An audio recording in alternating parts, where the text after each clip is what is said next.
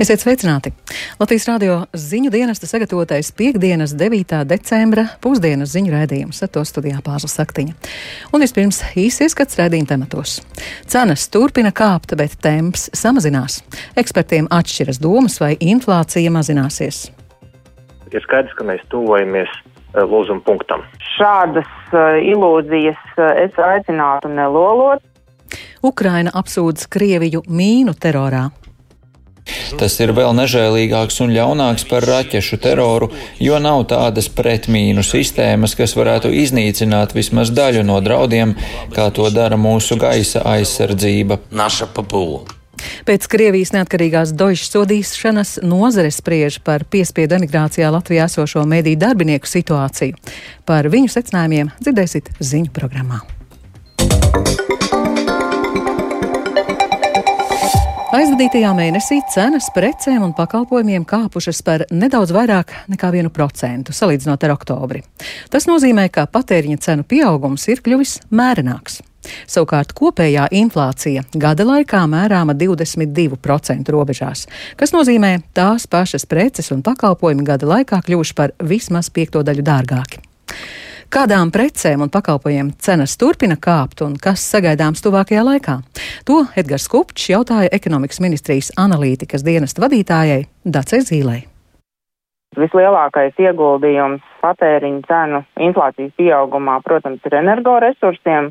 Tradicionāli tā būtu siltumenerģija, cietais kurināmais, dīzeļdegviela, dabas gāze, kā arī elektroenerģija parādās nedaudz arī šie sekundārie produkti, kā pārtiks produkti, starp tiem jāmin maizes, siers un biespiens, kā arī žāvēta stālīta un kūpināta gaļa. Ko jūs teiktu par to, ka eksperti saka, ka pasaules tirgos izēvielām pārtikas ražošanā jau pusgadu cenas krītas, enerģijai arī vērojams cenu kritums bet uz cenām plauktos un pakalpojumos mēs to neredzam. Kāpēc tā? Inerts tāda? Nu, inerts tā ir viena lieta, bet uh, otra lieta, kas ir jāsaprot, ka tās cenas, ko mēs redzam plauktos, tās ietver ne tikai produktu vairumtirdzniecības cenu, ja izēja materiālu cenu, bet tur ir klāt gan arī šo te produktu apstrāde, piena pārstrāde no svaiga piena uz piena pakā, šīs pakas aizdešana līdz veikalam, kas ir gan uh, degvielas izmaksas, gan arī cenas, gan, protams, arī šīs pakas pakas nogādāšana veikalā, kas ir uh, silta apgaismota telpa, kas arī maksā kaut kādu godīgu daļu no cenas, kuru mēs redzam veikala cenu zīmē. Vai nevarētu teikt, ka uzņēmēji izmanto inflācijas situāciju, lai papildinātu savus makus uz patērētāju rēķina? Es uh, domāju, ka šis būtu jautājums konkurences padomē, bet mums pirms šķietam šādas informācijas nav. Kādu jūs paredzat situācijas attīstību tuvākajos mēnešos, kas notiks ar cenām? Inflācijas kopējais līmenis gadā varētu sasniegt 16,2%. 16 līdz 17, un nākamgad inflācijas temps varētu vēl vairāk samazināties, respektīvi cenu pieaugums būs vērojams, taču netiks strauji kā šī gada otrajā pusē. Kad pie krituma varētu nonākt? Jā, šādas ilūzijas uh, es aicinātu nelolot, jo tas, ko mēs redzam no ekonomikas, uh, šī krīze būtiski atšķirās no Covid apstākļiem, kur bija vienkārši jāuzvelk džempers un jāsēž mājās divānā un jāgaida, kad tas beigsies. Šobrīd situācija ir radikāli pretēji. Ir jānovelk kaputs un plaši jāskatās apkārt uz visām pusēm un jāmeklē jaunas iespējas, jo situācija tāda, kāda viņa ir bijusi līdz šim, visticamāk tuvākajā dekādē nekad tāda vairs nebūs. Tātad uh, enerģijas cenas būs dārgākas, viņas varbūt nebūs tik augstas, kā viņas sasniedz biežās savus augstākos pīķus iepriekšējos periodos, bet viņas uh, visticamāk nebūs arī nekad tik zemas, kādas viņas ir bijušas līdz šim.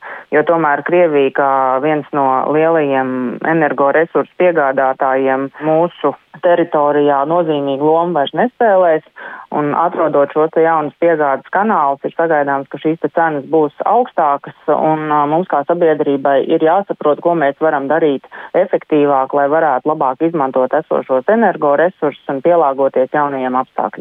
Šis ir rīcības laiks. Tā ekonomikas ministrijas analītikas dienesta vadītāja Dace Zīle ar viņu runāja Kars Kupčs.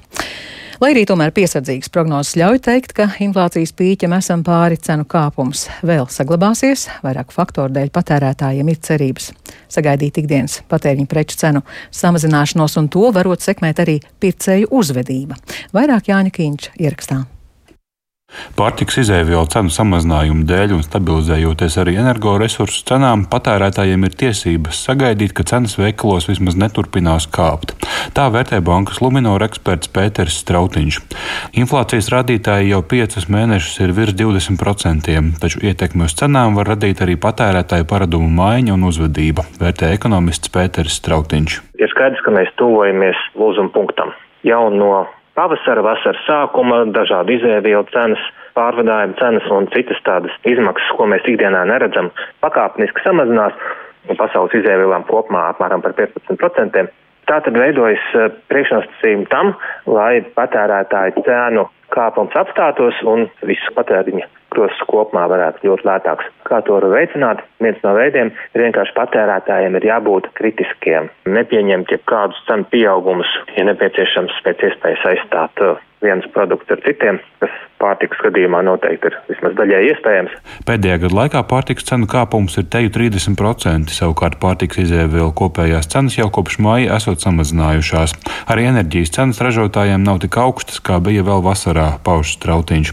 Svārstības no pircēja reakcijas noteikti ir. Jautājums, cik koordinēti iespaidu uz tirdzniecības nozari tās atstāja. Arī šajos sarežģītajos laikos mazumtirgotāju noskaņojums pētījumos novērtēts kā stabils, piebilst Cebankas ekonomists Dainis Gašpuitis.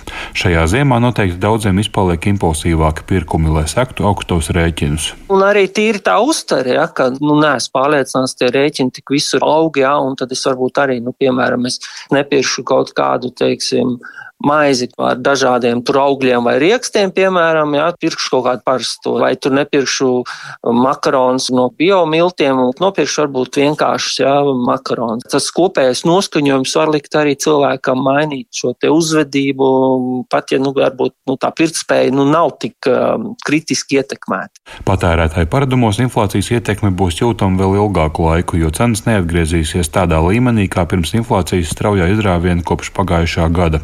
To To uzsver Svetbanka ekonomiste Lemdota Komare.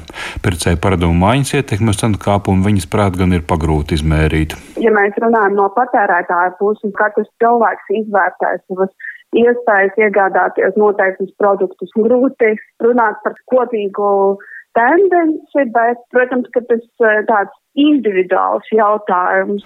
Piesardzīgas prognozes ļauj minēt, ka inflācijas pīķim iespējams esam jau pāri. Tomēr ar izmaksu pieaugumu galvenokārt augsto rēķinu ietekmē vēl vairākus mēnešus būs jāsadzīvo. Visticamāk, ka bremzēšanos redzēsim kaut kur pavasara beigās.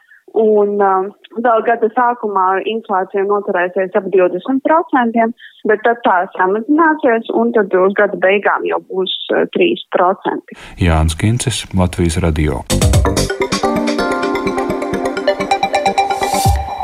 Nacionālā elektronisko plašsaziņas līdzekļu padome šonadēļ atņēma apraides atļauju Krievijas neatkarīgajam televīzijas kanālam TV Reina, kas plašāk pazīstams ar nosaukumu Dožģi. Lēmums pieņemts pēc likuma panta par draudiem valsts drošībai un sabiedriskai kārtībai. Dožģi pusē nostājusies organizācija Reportieri bez robežām Latvijas žurnālistu asociācijas valde, uzskatot, ka mediju uzrauga sots ir nesamērīgs par pieļautajiem pārkāpumiem.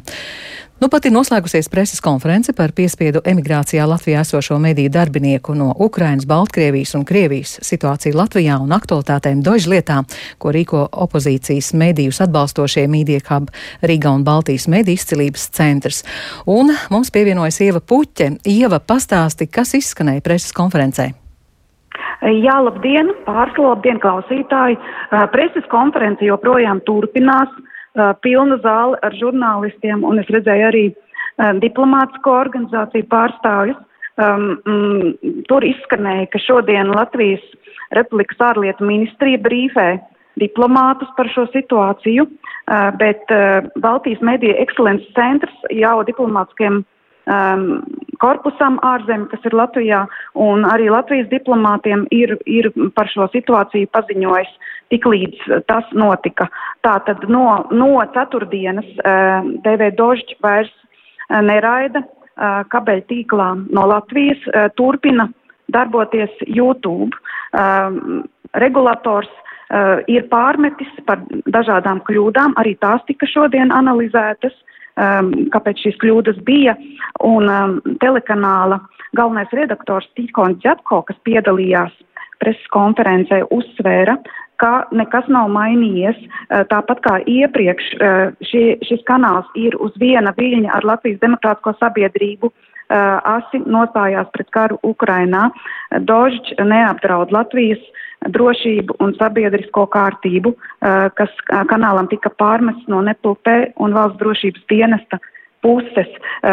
Sabīna Sīna, Sīle, kas vada Mēdija hub, jeb mēdīju telpu opozīcijas žurnālistiem, kur ir ieradušies Latvijā, un tādi ir vairāk nekā 200, sacīja, ka mums ir pietrūcis plašāks redzējums iespējams uz šo situāciju, jo tāpat kā ar Ukraiņas kara bēgļiem, arī ar opozīcijas žurnālistiem, kad tie sāka ierasties uh, Latvijā uh, martā un turpmākajos mēnešos, mums bija tāda īstermiņa plāni, kā mēs viņiem palīdzēsim, tika piešķirts humanās vīzas, uh, centās palīdzēt arī finansiāli un uh, tik uzsvērts aspekts, par ko iepriekš nebijām tik ļoti runājuši, ka TV dožģi šīs kļūdas uh, ēterā ir radušās arī tāpēc, ka viņiem trūka finansējuma un arī uh, telekanāls ir izmētāts pa trīs um, dažādām studijām, trīs dažādām valstīm. Uh, Uh, un vēl uh, arī es personīgi uzdevu jautājumu par latviešu valodas celiņu nenodrošināšanu, kas tika pārmesta.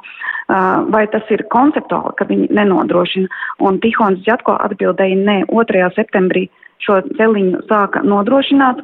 Um, ar to bija problēmas, jo tiešām tas ir tehniski sarežģīti un arī dārgi. Uh, bet viņi ir mm, absolūti uh, joprojām risina šo jautājumu un no tā varēja spriest, ka viņi joprojām cer, ka varbūt tomēr būs kaut kāda iespēja atgriezties apraidē. Bet šobrīd vēl nav zināms, vai viņi eh, Krievijā aizliegtā mediju darbinieki varēs strādāt no Latvijas. Uh, tie ir juridiski jautājumi. Viņi šobrīd ir, uh, viņi strādā no Latvijas, viņi joprojām darbojas TV3 studijā, bet vairs ne, ne kabeļu tīklā. Uh, tāpat uh, uz jautājuma ir viņu uzturēšanās, jo valsts drošības dienesta atzinums, uh, kā tātad saka, ka viņi varētu būt arī politiski nevēlami, kur parādās tādi absurdi elementi, jo tikpat politiski nevēlami viņi ir Krievijā, kur atgriež, atgriežoties viņiem draud cietums. Jā, paldies. Tik tālu Ieva Puķe par jaunāko saistībā ar Došu darbību Latvijā. Ukraina apsūdz Krieviju mīnu terorā, bet ASV valdība paziņojusi, ka Ukrainas teritorijas atmīnēšanas darbi būs lielākie kopš otrā pasaules kara. Sagaidāms, ka ASV šodien paziņos par papildu militāro palīdzību Ukrainai. Un vairāk Uldis Ķeizberis. Krievijas spēku noslēptās mīnas un sprākstierīces apgrūtina normālas dzīves atjaunošanu no okupācijas atbrīvotajās teritorijās Ukrainā. Valsts prezidents Volodimirs Zelenskis paziņojis, ka iebrucēju atstātās mīnas ir lielāks apdraudējums nekā Krievijas izšautās raķetes.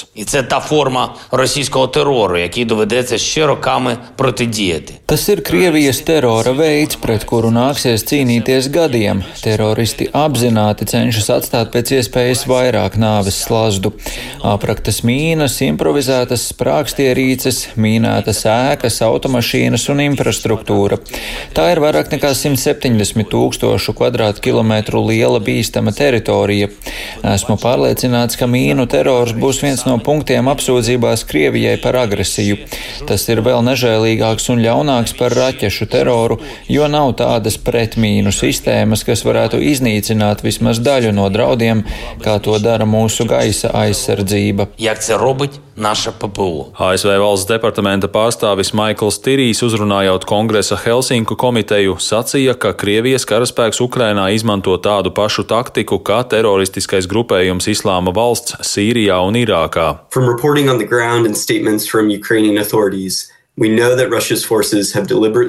No ziņojumiem uz vietas un Ukrainas varas iestāžu paziņojumiem mēs zinām, ka Krievijas spēki apzināti ir noslēpuši sprākstierīces civiliedzīvotāju mājās, tostarp bērnu rotaļlietās un pat iebrukuma laikā nogalināto cilvēku līķos.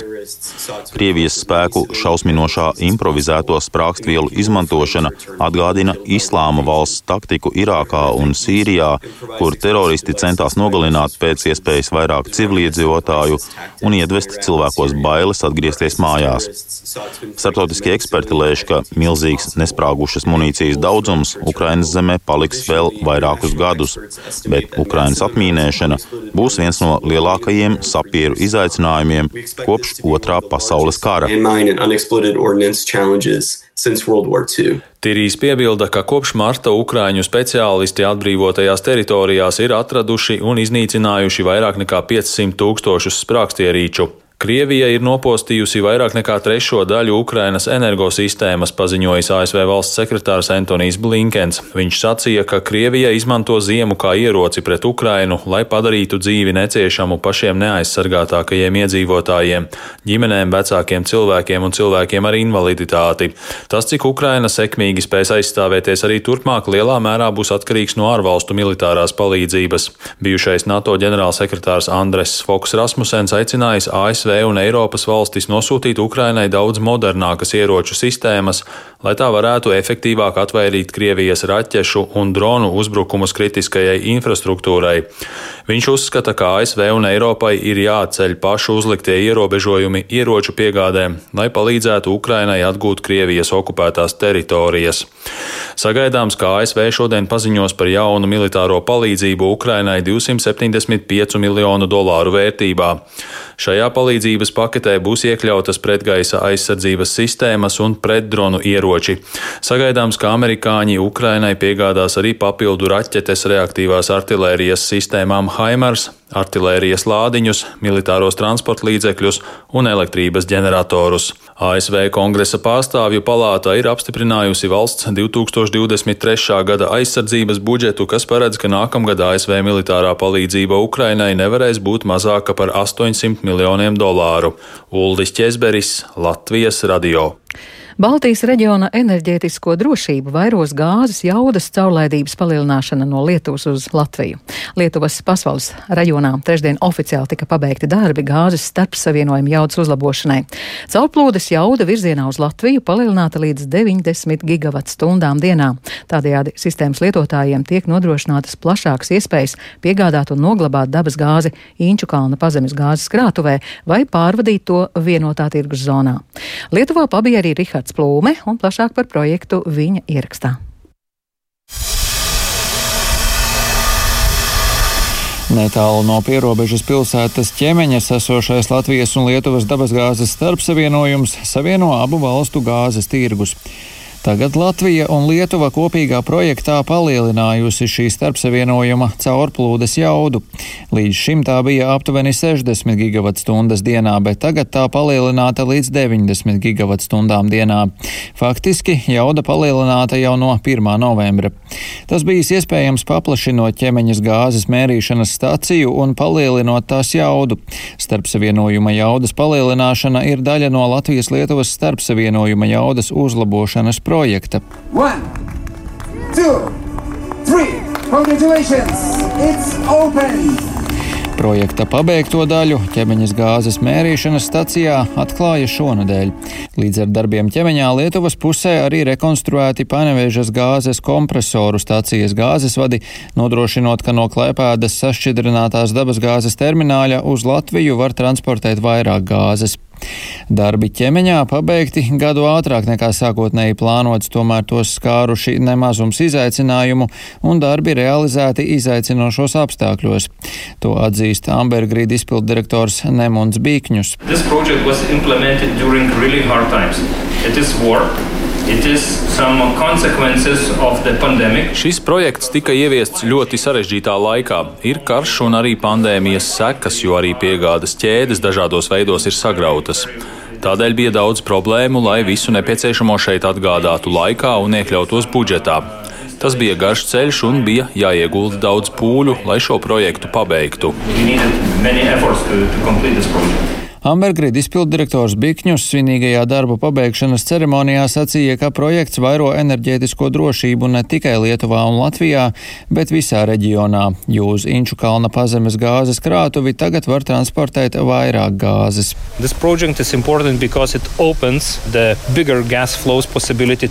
Projekts ir būtisks, jo tas paver plašāku gāzes plūsmas iespējamību uz Latviju, Igauniju un Somiju, un tas palīdz labāk pielietot gāzes infrastruktūru, mūsu gāzes termināli un izmantot pazemes gāzes krātuvi Latvijā, lai tur būtu rezerves, un šīs rezerves, protams, kalpo kā liela enerģētiskā drošība visam reģionam. Bikņus precizēja, ka tagad starpsavienojuma jauda atbilst vienas augstas ziemas dienas gāzes patēriņam Lietuvā. Viņš arī aicināja gāzes tirgotājus no Eiropas valstīm iesaistīties vairāk šajā reģionā un izmantot iespējas noglabāt, transportēt un pārdot gāzi tam pielāgotajos reģionos un valstīs. Rihards Plūme, Latvijas radio no Lietuvas. Sākoties ziemas zemledus makšķerēšanas sezonai, pieredzējušie makšķernieki un glābēji brīdina, ka ledus vēl ir plāns. Turklāt uzsnigušais sniegs neļauj objektīvi noteikt ledus biezumu, tāpēc vēl ir jānogaida. Un no Latgals vairāk stāstīja Čigāne. Ludzas pilsētu ieskauj pieci ezeri. Nedēļas vidū uz mazā Ludzas ezera ledus jau var manīt pirmos zemledus makšķerniekus. To, cik bieza te ledus kārta, var tikai minēt, jo sniega sega rada maldīgu iespaidu par drošību. Šogad ledus ir drusku aizsava un uzreiz principā pārklājās ar sniega kārtu. Edgars Timoškāns no Rēzeknes ir kaislīgs mašķirnieks, bet šogad uz ledus vēl nav kāpis, un tam ir vairāki iemesli. Mēs neredzam to reālo situāciju, kas zem tā sniega kārtiņas ir ledus biezuma kārta. Mēs viņu vienkārši neredzam. Maz mīnus desmit pastāv pāris dienas, trīs kādas, tad, tad jau varēs drošāk doties uz ledu. To, ka uz ūdens tilpēm joprojām nav droši, apliecina arī traģiskais notikums Krāslavas novadā. Turpina valsts ugunsdzēsības un glābšanas dienesta pārstāve Ilze Dāme Birziņa. Cilvēks atradās uz ūdens tilpas ledus un aptuveni 100 metrus no krasta bija ielūzis. Ugunsdzēsēji glābēji izmantojot glābšanas dēļ palīdzību cilvēku nogādāja krastā, mediķi viņam konstatēja nāvi. Reizeknes slimnīcas ārsts rezidents Valdis Dakuļs uzsver, ka cilvēka dzīvība vai veselība ir atkarīga no tā, cik ilgu laiku viņš atradies augstā ūdenī, piemēram, ielūzes ledū. Jebkurā gadījumā pirmais uzdevums ir tikt ārā no ūdens. Tam var palīdzēt ugunsdzēsības un glābšanas dienas, kur jāizsauc pa 112, bet nu, tas ir laiks, kamēr viņi ierodās. Līdz ar to paša spēkiem vai ar līdzcilvēku palīdzību to būtu jāmēģina izdarīt maksimāli ātri. Jo ķermeņa atzīšana ir globāls visai ķermeņa notikums. Līdz ar to sākotnēji rokas var būt augstas, bet pats galvenais ir saglabāt sērdes temperatūru, jeb šo rumpja temperatūru, samazinām slapjo drēbes, nelietojam alkoholus, Alkohols paplašina asinsvadus rokās, kājās. Tas var radīt siltuma sajūtu, bet tas ir slikti. Ķermenis ir augsts, rodas siltuma sajūta, un tas tikai veicina siltuma atdevi no ķermeņa, veicinot atdzišanu. Zemledus makšķerēšanas sezona tikko sākas, tāpēc valsts ugunsdzēsības un glābšanas dienesta pārstāve Ilze Dāme Birziņa uzsver, ka cilvēkiem, kas nolēmuši doties uz ledus, jāņem vērā, ka tas uz ūdenstilpēm neveidojas vienmērīgi. Ledus ir biezāks pie krastiem, bet ūdenstilpes vidū var būt daudz plānāks. Aicinam arī iedzīvotājs būt līdzatbildīgiem, neriskēt ar savu veselību un dzīvību un nepaiet vienaldīgi garām, ja arī redzat, ka bērni vai jaunieši slidinās pa nedrošo ledu. Savukārt, ja pamanāt, ka cilvēki ir aizgājuši pārāk tālu no krasta vai ja cilvēks ir ielūzis ledu, nekavējoties zvaniet 112 arī dzīvnieku saimniekiem būt piesardzīgiem lai, piemēram, suņi nenonāktu uz ledus. Sākoties ziemas zemledus makšķerēšanas sezonai, Latvijā bojā gājis viens makšķernieks. Savukārt to, cik pašlaik nedrošs ledus ir gan uz lielām, gan uz mazām ūdens tilpēm, apliecina arī sociālajos tīklos publicētā informācija par divu dīķa ledū ielūzušu nepilngadīgu meiteņu glābšanu Lietuvā, gan arī mednieku organizētā ledū ielūzušu aļņu glābšanas operācija Ludzas novada Istras pagastā. Iveta Čigāni, Latvijas radio studija Latgalē.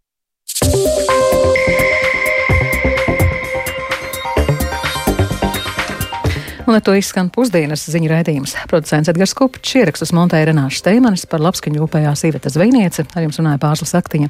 Un šobrīd svarīgākais cenas turpina kāpt, bet tēmas samazinās. Ekspertiem atšķiras domas, vai inflācija mazināsies. Ukraina apsūdz Krieviju mīnu terorā. Sagaidāms, ka ASV šodien paziņos par papildu militāro palīdzību Ukrainai.